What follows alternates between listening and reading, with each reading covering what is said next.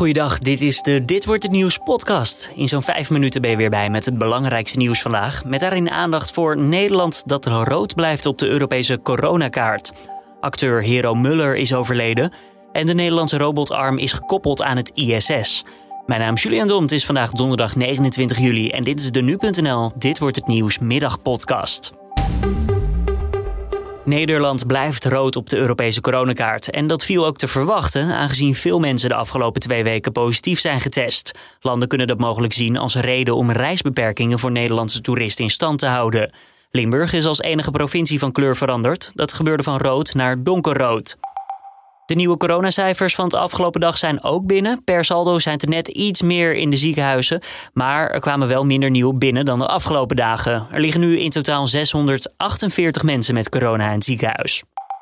Eén coronaprik voorkomt vaak ernstige ziekten door de Delta-variant. Dat blijkt uit een Canadees onderzoek. Het gaat dan om vaccins van Pfizer, Moderna en AstraZeneca. Die beschermen de meeste mensen na de eerste prik al tegen een ziekenhuisopname of tegen overlijden. En dat geldt dus ook voor de besmettelijkere Delta-variant.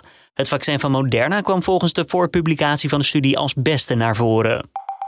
Acteur Hero Muller is overleden. Hij speelde in veel bekende Nederlandse films en series, zoals dat hij Soldaat van Oranje en Het Zonnetje in Huis. Maar hij was ook de stem van Cookie Monster uit Sesamstraat. Man, natuur is de beste plaats om cookie op te eten. In 2014 sprak RTV Noord hem nog en vroeg naar zijn liefde voor het vak. Dus je wilt het liefst sterven in het harnas, Ja, zoals ze dat noemen. het mag nog even duren. Ja, maar dat, eh, ja, nou ja, zeker. Hero Muller is 83 jaar geworden.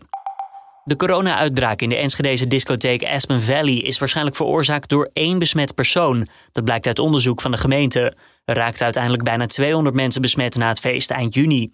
De discotheek zou volgens het onderzoek geen steek hebben laten vallen. De besmette persoon had namelijk een geldig testbewijs.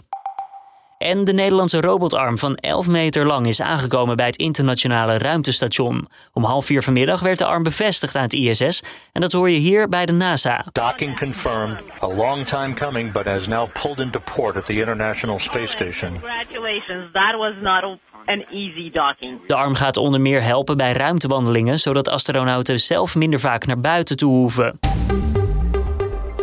En dan nog even het weer van Weerplaza. Vanavond en vannacht is het grotendeels droog met opklaringen. Morgen dan bewolkt met buien en aan de kust ook kans op een klap onweer. Het wordt dan 19 tot 24 graden.